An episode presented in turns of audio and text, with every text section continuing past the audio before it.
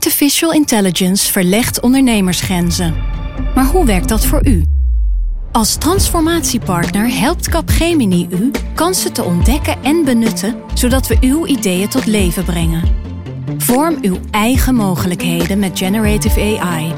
Ontdek meer op capgemini.nl/slash AI. Capgemini. Get the future you want.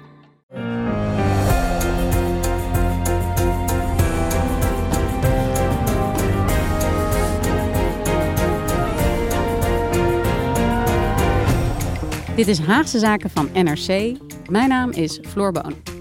Het is vandaag woensdag 10 maart, nog vijf dagen voordat de stembureaus opengaan en nog zeven dagen voor de grote verkiezingsdag. En tijdens deze campagne zijn we iedere dag even bij je vanaf de grote vergadertafel op de Haagse redactie.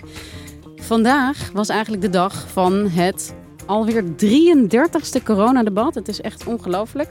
Uh, dat is er bijna elke week wel eentje uh, in het afgelopen jaar. En dat debat is nog bezig, het staartje ervan. Maar redacteur Pim van der Doel die is in ieder geval even teruggekomen uit de Tweede Kamer hier tegenover. En uh, om te vertellen hoe het was, welkom. Ja, goedenavond.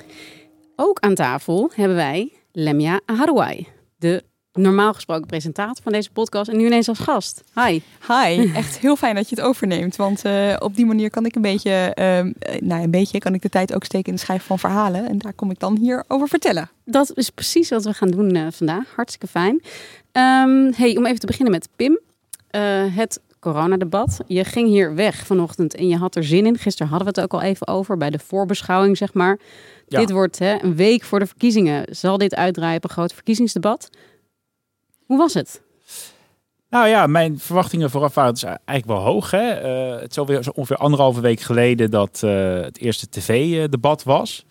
Sindsdien eigenlijk geen grote debatten meer gezien. En uh, nou ja, dan denk je toch, zo van Kamerdebat een week voor de verkiezingsdag. Komt ook niet zo vaak voor, hè? want de Kamer is officieel met, met verkiezingsreces. en normaal gesproken zijn er dan helemaal geen debatten. Nou, nu vanwege de crisis toch, toch zo eentje ingelast toch met veel lijsttrekkers en met uh, premier Rutte. Uh, de, de, de kloppen man nu in de peilingen. Uh, dus ik, ja, ik dacht wel van, nou, dit kan wel eens gaan knetteren en een verkiezingsdebat gaan gaan worden. Maar uh, ja, in alle eerlijkheid, de, de, de hooggespannen verwachtingen zijn toch niet helemaal uitgekomen. Ik zat naast Pim in de bankjes op, in het persvak en ik zag Pim steeds meer, die schouders gingen steeds meer zo'n beetje naar binnen. Zo van, wat gebeurt hier allemaal? Of wat gebeurt er eigenlijk niet? Nou ja, ik zat er ook even naast en ik zag ja. jou nog twitteren van, dit is echt het saaiste debat ooit, volgens mij. Nou ja, om nou te zeggen dat het saaiste coronadebat tot nu toe was, gaat misschien wel heel ver. Maar aan de andere kant, ik vond het echt uh, opvallend uh, tam. Um, viel me bijvoorbeeld op dat in de eerste termijn mogen de, de fractievoorzitters uh, met elkaar in debat. Nou, dat gebeurt normaal, gebeurt dat al niet zoveel. Hebben ze vooral vragen aan het kabinet. Maar goed, je zou juist nu denken, ik heb nog even zitten tellen, 10 van de 15 fractievoorzitters die vandaag meededen, zijn ook lijsttrekker van hun partij. Ja, dan zou je toch denken, dit is een week voor de verkiezingen ook een kans om de onderlinge verschillen uh, een beetje te laten zien. Hè? En, en ja. ze bleven heel erg bij, ook heel erg bij, bij puur het corona-onderwerp uh, en de maatregelen. En dus terwijl, dus vragen aan het kabinet daarover. Ja, ter, terwijl je natuurlijk heel goed, de coronacrisis is zo alomvattend. Uh, je zou heel goed dit debat eens een keer wat breder kunnen trekken. En, en elkaar onderling eens wat vragen kunnen stellen. Maar er gebeurde eigenlijk weinig. Ja, ik heb soms een beetje het idee, veel van die partijen laten natuurlijk onderzoeken doen naar wat kiezers willen of wat kiezers denken. En ik heb het idee dat er uit die onderzoeken vaak komt dat kiezers niet willen dat politici de confrontatie met elkaar aangaan op het moment dat er een crisis aan de gang is. Want als je kijkt naar die hele uh, campagne tot nu toe, het gebeurt, het gebeurt maar zelden dat ze echt, uh, hoe zou ik het zeggen, dat ze echt Botsen. de confrontatie opzoeken. Zelf. Maar er is natuurlijk ja. crisis, maar er, is ook, er zijn ook verkiezingen. Ja, en er is genoeg om ideologisch van te verschillen, juist in de oplossingen vinden van, uh, van die verkiezingen. Dus het verbaast me inderdaad hm. ook wel, ja. Heb je, uh, gebeurde er wel iets of eigenlijk helemaal niets? Nou, jawel. Um, kijk, iemand die er altijd wel zin in heeft natuurlijk is uh, Geert Wilders van de PVV. Wat me opvalt is dat Wilders dan altijd wel vaak interrumpeert. Confrontatie zoekt bijvoorbeeld met het CDA doet hij graag. Hè, een beetje zo'n concurrenten op rechts.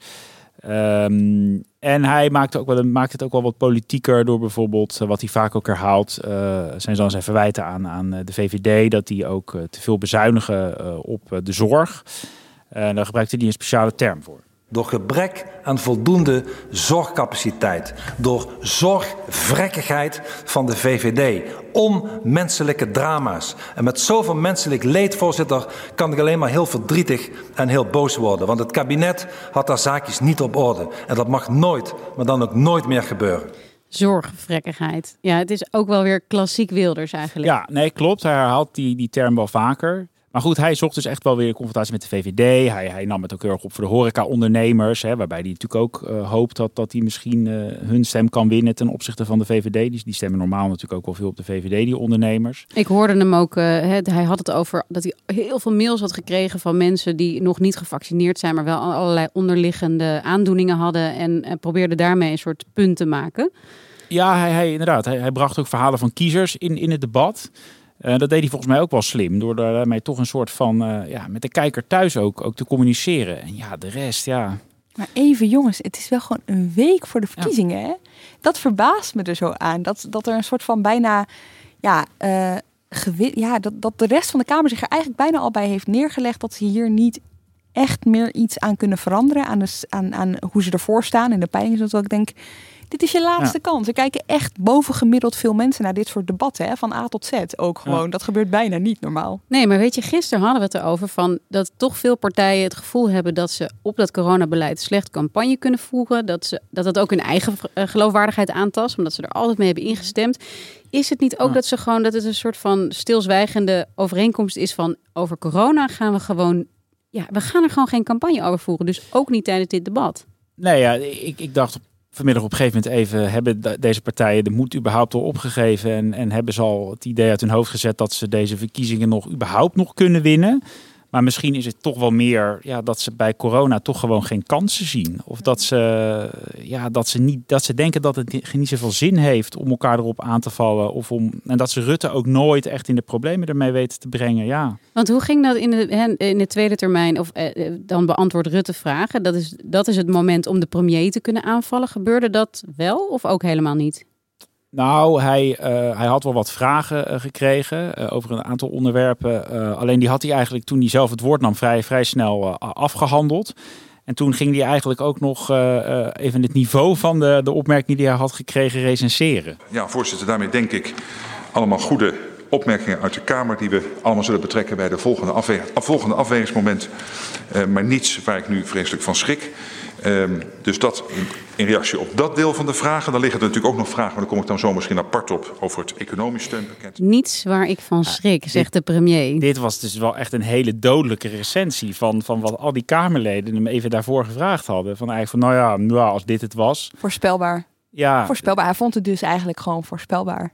En makkelijk. Ja, en kijk, met deze vraag gaan wij natuurlijk ook wel eens rond hier bij de oppositiepartijen bijvoorbeeld. Hè, van waarom? Waarom vallen jullie het kabinet niet aan op het beleid dat ze voeren? En dan wordt er vaak verwezen naar Asscher, die dat uh, vooral aan het begin van de coronacrisis best wel deed. En wat ze zagen was dat daardoor Asscher geraakt werd in de peilingen en niet zozeer de VVD. Maar er is iets interessants gebeurd in de tussentijd. Dat is dat het draagvlak, dus lange tijd waren Nederlanders het heel erg eens met al die strenge maatregelen. Maar je ziet dat het draagvlak heel langzaam, het gebeurt wel, ja, een beetje aan het dalen is. Dus je zou kunnen zeggen, dit is het moment om af te stappen van die gedachte van als je ja. aanvalt, dan daal je zelf ook in de palingen. Peilingen. Ja. in de peilingen, ja, precies. Nou goed, uh, het is nog niet helemaal voorbij, maar uh, er, er lijkt dus niet iets heel erg wezenlijks te zijn gebeurd. Tot zover even dit debat vandaag. Dankjewel, Pim. Blijf je nog even zitten? Want... Zeker. Oké, okay, hartstikke goed. In de tussentijd even iets heel anders. Er was namelijk iets anders dat opviel vandaag. En dat is dat er een rapport uitkwam. Een onderzoek van de Nederlandse Orde van Advocaten. Die hebben dat laten uitvoeren. En daaruit blijkt dat in ieder geval zeven... Ze hebben veertien partijen onderzocht. Zeven van die veertien... De partijprogramma's bevatten onrechtstatelijke plannen. Dat is 50 procent. Volkert Jensma, onze juridische commentator, uh, die ook uh, nou, vaak aanschuift bij de Haagse vergaderingen, die, is, uh, die heeft dat gevolgd, die heeft het gelezen en die is thuis en die hangt aan de lijn. Volkert. Ja, Hi. Jij hebt dit rapport uitgeplozen vandaag, gelezen, ondersteboven gehaald. Um, hoe, hoe zit dit? Welk programma van welke partij is het meest onrechtstatelijk? Uh, nou, daar hebben ze zich uh, niet aan gewaagd, aan zo'n uh, duidelijk oordeel. Ik bedoel, het blijft de orde van advocaten en die willen niet echt mee gaan doen aan het verkiezingsdebat. En die willen ook zeker niet straks gaan zeggen dat de Partij voor de Dieren er toch het mooiste uitkwam en de VVD wat tegenviel. dus ze hebben een heel mooi systeem gebruikt. Dat hebben ze bij de vorige verkiezingen ook gedaan. Dat, gaat volgens het model van de verkeerslichten. Dan kan een rood licht gaan branden en dan is je voorstel regelrecht in strijd met rechtsstaat. Dan kan een geel licht gaan branden en dan is je voorstel een mogelijk risico. Ehm, maar het kan ook zijn dat de rechtsstaat kan verbeteren en dan brandt er een groen licht. Maar een gevaar voor de rechtsstaat, dat is, dat is behoorlijk stevig. Welke partijen krijgen er rode kaarten? De rode kaarten gaan uh, eigenlijk zonder uitzondering naar de rechtse partijen. Dus denk aan de PVV, aan Forum, aan Ja21, uh, maar ook de SGP. Die, uh, die zeggen dingen die niet door de beugel kunnen. Um, voor de luisteraar, ja, wij horen hier een behoorlijke ruis op de lijn. Dus jullie waarschijnlijk ook. Dat is vervelend, maar we willen toch heel even dit gesprek afmaken met Volkert. Want hij zegt interessante dingen. En bijvoorbeeld wil ik nog wel weten of je een voorbeeld hebt van een van die onrechtstatelijke plannen. Nou, dan moet je vooral van uh, de terreurbestrijding. En zodra het woord moskee of islam valt bij die partijen, dan gaan ze over de schreef. Uh, want dan is het heel vaak discriminerend of stigmatiserend. Dan wordt er uh, onderscheid gemaakt dat je op een manier die helemaal niet kan. Um, en nou ja, daar, krijgen dus de, daar worden dus de meeste rode kaarten voor uit, uitgedeeld. En zijn er ook partijen die, gewoon, die het goed doen volgens deze club, die wel rechtsstatelijk partijprogramma hebben? Ja, uh, heel trots waren vandaag D66, GroenLinks en de PvdA. Die kregen alleen maar groen licht. CDA greep er net naast. Die had toch één geel lampje knipperen. En uh, tot zijn chagrijn moest ook de SP uh, een aanmerking uh, incasseren. Michiel van Nispen die zat vanochtend bij de persconferentie en die baalde daar duidelijk van. Um, hey, even, dit is toch, je zegt van deze, de, de, ze willen geen oordeel vellen, ze willen niet politiek worden, maar dit rapport komt dan toch wel uit een week voor de verkiezingen. Um, is het nou invloedrijk? Gaat dit nog enige invloed hebben op de campagne, denk jij? Uh, nou, de campagne zit overvol met zware onderwerpen. Uh, dus ik denk dat dit hooguit in een enkel debat uh, een rolletje kan spelen. Um, ik hoop natuurlijk dat het de hoofdzaak zou zijn, maar dat is het. Ik denk, ik denk toch niet dat dat gaat lukken. Um, misschien dat de SP uh, last krijgt. Uh, uh, de rechtse partijen zullen zich er buitengewoon weinig van aantrekken, want die hebben eigenlijk dit onderwerp al laten varen.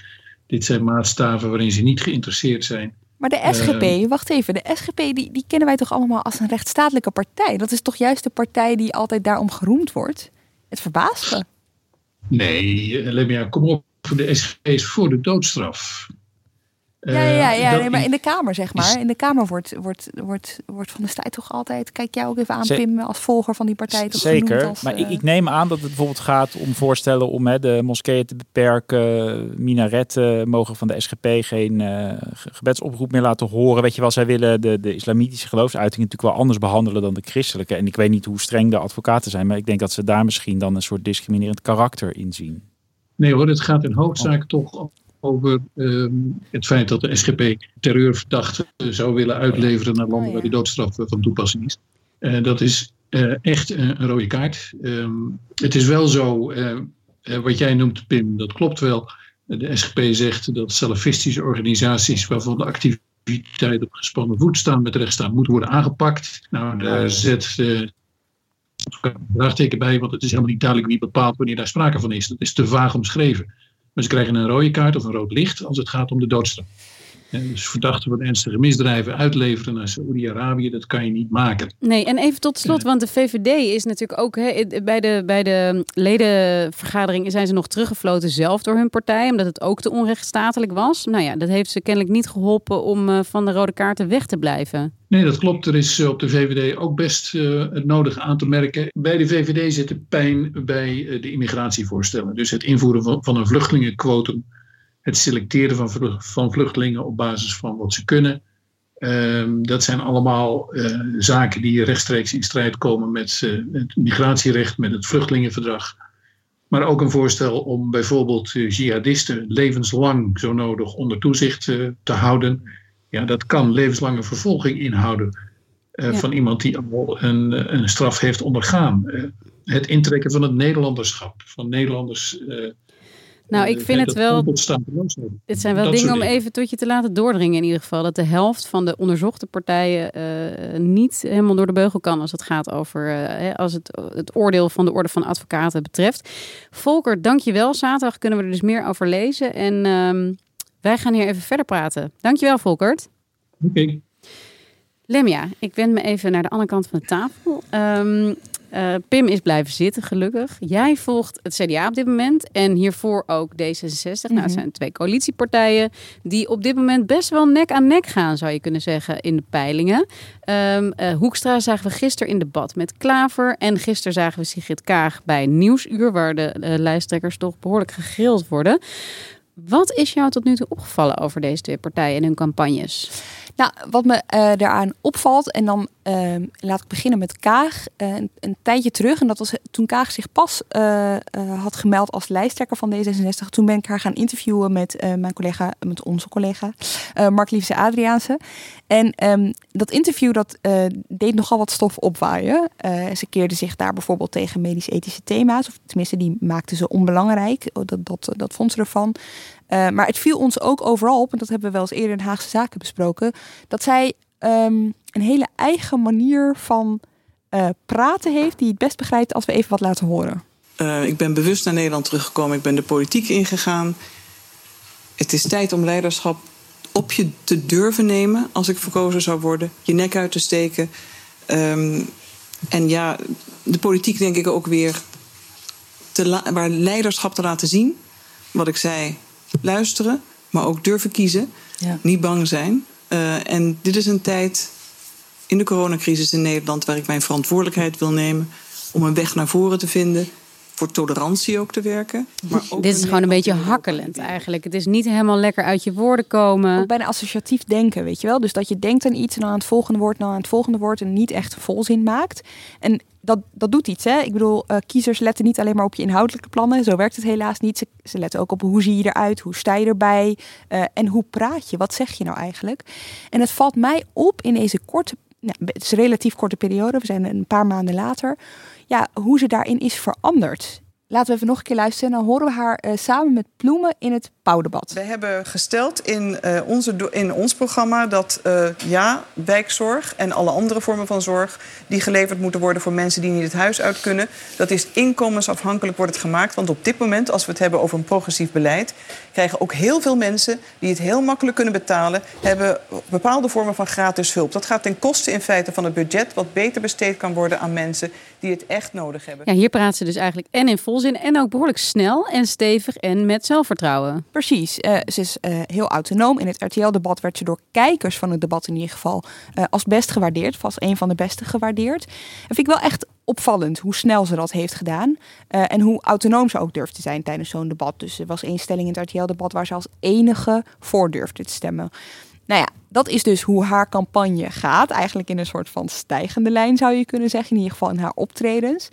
En bij Hoekstra, waar de verwachtingen in het CDA echt heel hoog lagen. Um, nou ja, vandaag schrijf ik een stuk in de krant. Het is uh, uh, woensdag vandaag overigens. Uh, over hoe CDA's nu vinden dat dat tegenvalt. En um, toen hij pas lijsttrekker werd, toen was daar de hoop van nu hebben wij een serieuze tegenkandidaat voor uh, Mark Rutte, hè, de VVD-leider voor het torentje. En wat rust in de partij, hè? Ik bedoel, er was eindeloos gedoe. En toen Hugo de Jonge zei, ik stop ermee, uh, ja, werd dat ook wel omarmd binnen die partij. Precies, rust, duidelijkheid. Je zag in de peilingen, daar spraken ze in het CDA van het Wopke-effect, hè, want je zag een lichte stijging. En eigenlijk is dat allemaal omgeslagen. In de peilingen zie je nu, zelfs in de trend van de peilingwijzer, waar wij natuurlijk als NRC alleen naar kijken, dat is een afgewogen gemiddelde van een aantal peilingen, zie je hem zelfs een beetje dalen bij het CDA. Wat is nou eigenlijk hun verhaal de afgelopen tijd? De campagne is vooral gebouwd op dingen rechtzetten de hele tijd, excuses aan moeten bieden voor al dan niet ergens schaatsen. Um, weet je wel, dus het is precies wat je niet wil eigenlijk. Dinsdagavond was er het debat bij Pauw tussen uh, Jesse Klaver van GroenLinks en Wopke Hoekstra. Nou ja, dat was ook een ja, je zag daar echt twee mannen tegenover elkaar, waarbij de ene groeide eigenlijk en de ander, de langste, namelijk Hoekstra, die had het moeilijk. Heel mooi, ja. Nou ja, het, het, het, het, valt wel op. Kijk, wat kan Hoekstra nog. Hij heeft nog een aantal debatten staan. Uh, het, het, slotdebat komt nog van de NOS. Er is nog een één vandaag debat. Maar juist in die debatten zie je dat kijkers van die debatten ja, niet echt waarderen. In het RTL-debat waar ik het net over had, werd hij het laagst gewaardeerd door kijkers. Uh, grappig genoeg door mensen die niet keken, juist wel weer als een van de hoogste op basis van de verslaggeving. Dat is een heel interessant onderzoekje door uh, INO uh, Research.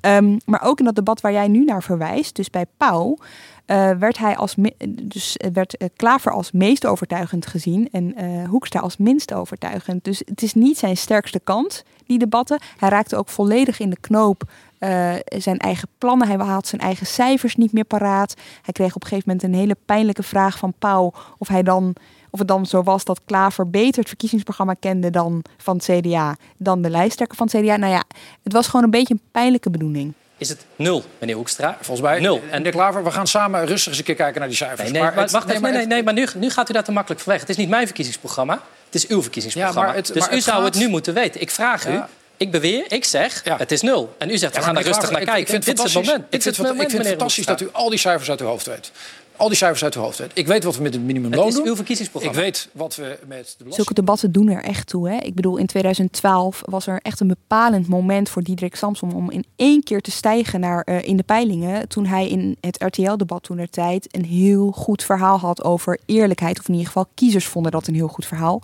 Want we weten allemaal, 2017, de PvdA steeg naar grote hoogte...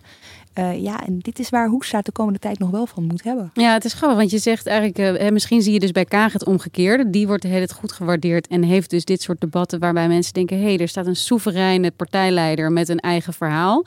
En hier zie je het omgekeerde bij Hoekstra. Wat ik ook grappig vond, is dat Klaver, die de dag daarvoor nog in een nieuwsuurdebat echt het moeilijk had en rode wangen en hij stond echt, uh, ja, hij, hij, worstelde zich door het debat heen. En hem zag je dus heel, je hoort het ook in dit fragment, heel zelfverzekerd uh, Hoekstra aanpakken. Nee, nee, klopt. Je ziet bij Hoekstra ook eigenlijk dat het fout op fout wordt gestapeld. Hè? En, en, en dat, dan gaan natuurlijk ook de media gaan natuurlijk dat ook signaleren. En de peilingen gaan licht dalen. Dus het wordt bijna ja, natuurlijk een soort self-fulfilling prophecy. Dat het dan met die campagne ook ja, eigenlijk niet meer goed kan komen. Dus ik ben ook heel benieuwd of, of Hoekstra nog uh, ja, zich kan terugknokken. Of, of hè, wat moet hij nu doen om dit beeld recht te zetten. Ik, ik denk dat ze daar bij het CDA echt met de handen in het haar zitten. Van, ik weet niet of ze daar nog uh, een plan voor hebben. Ja, dit gaat natuurlijk ook over imago en hoe komt iemand over. En niet zozeer wat zegt iemand, maar hoe, hoe wordt het gezegd en zo. Uh, en je zegt die campagne loopt niet lekker. Is dat dan inhoudelijk ook zo? Hij heeft niet echt een verhaal. Dus uh, het lukt niet om één bepaald thema te pakken. Hij heeft dat geprobeerd aan het begin met die middeninkomens. De middenklasse, dat was dan de groep waar het CDA zich op, uh, op zou richten. Maar ik sprak vandaag een CDA. En die zei, ja, als je dan komt met zo'n plan voor de WW... om dat te verkorten van twee naar één jaar... welke groep raakt dat nou heel hard? Dat is ook die groep, weet je wel? wiens baan misschien wel op de tocht staat... straks als die economische crisis door corona nog net iets heftiger of heviger wordt. waarom zou je dat nu dan helemaal breed gaan uitmeten? Ook al is het onderdeel, want dat is dus een van die voorbeelden van Hoekstra die de hele tijd dan aan het repareren is wat hij eerder heeft gezegd. Dus hij heeft hele tijd geprobeerd te zeggen, ja, dat verkorten van de WW, dat is onderdeel van een groter plan, weet je wel. Ik heb, ik heb, ik heb meer maatregelen. Maar daar gaat de aandacht dan niet naartoe. En dan ben je als lijsttrekker juist in die waardevolle laatste dagen van de campagne alleen maar bezig met vertellen wat je wel bedoelde. hey, en waar is Pieter Omzicht?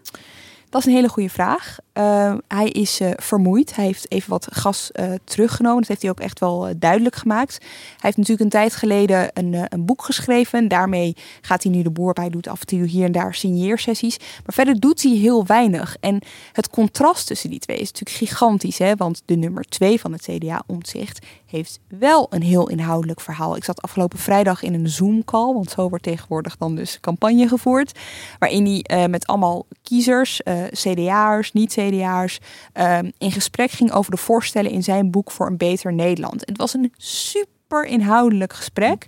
En daarin zei hij ook, zonder zijn partij of Wopke bij naam te noemen, dat hij vond dat de campagne tot nu toe te weinig over inhoud ging. Ik vind het toch opmerkelijk, want het was ook hè, in de strijd met Hugo de Jonge en Omzicht was het Omzicht die uh, uh, Hoekstra als premierskandidaat binnenhaalde en zo. En dit waren de, dit, dit waren, hij was de, run, de running mate ja. van Hoekstra. Wat Daarvan er... zei Hoekstra overigens dat hij daar niet aan deed. Um, Omzicht zit ook niet in het campagneteam. Uh, daar, daar, daar is hij buiten gehouden. oh, dat, is ook wel op, dat is ook wel opmerkelijk. Ja, en wat ik ook wel heel interessant vind, en Pim, ik ging dus net scrollen door de timeline van Pieter Omtzigt op zoek naar het moment dat hij iets had getwitterd over of CDA-plannen of Wopke Hoekstra. Nou, scrollen, scrollen, scrollen, scrollen, scrollen. Serieus, duurde echt heel lang. 26 januari. Maar is 26 januari voor het laatst. Maar doen andere nummers twee dat wel? Ja, tuurlijk joh. En, en, en überhaupt al die kandidaat-Kamerleden, ook bij het CDA, zitten ongeveer iedere scheet van Wop Hoekstra te twitteren.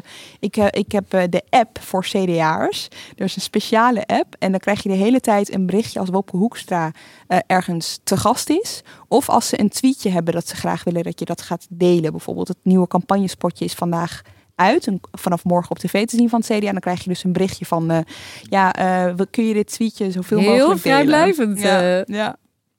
En daar doet Opzicht dus niet aan mee. Nee. Nou ja, we hebben nog zes dagen te gaan. Vijf dagen, wat zeg ik? Um, ik ben heel benieuwd ook of we Omtzigt nog gaan zien. Dankjewel, Lemia. Dankjewel, Pim. En we horen jullie allebei ongetwijfeld terug deze week. Uh, voor de luisteraars die op woensdagavond luisteren, vanavond uh, um, is er een debat bij Jinek tussen Mark Rutte en Sigrid Kaag. Wat echt wel de moeite waard kan zijn, denk ik. En de luisteraars op donderdag kunnen dat gewoon terugkijken, natuurlijk.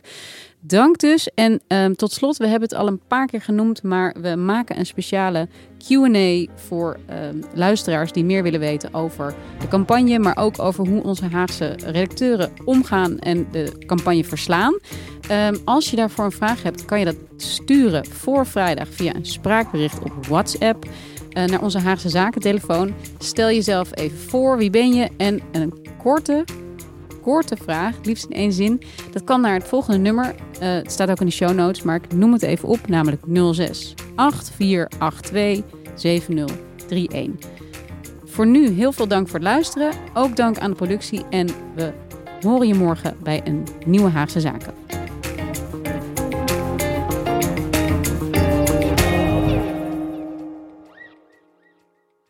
Ik ben al jaren ondernemer, maar waar moet ik eigenlijk allemaal aan denken nu ik voor het eerst personeel wil aannemen, voor het eerst ga importeren of voor het eerst een bedrijfslocatie zoek? Weet wat je wel of niet moet doen bij zaken die je voor het eerst oppakt.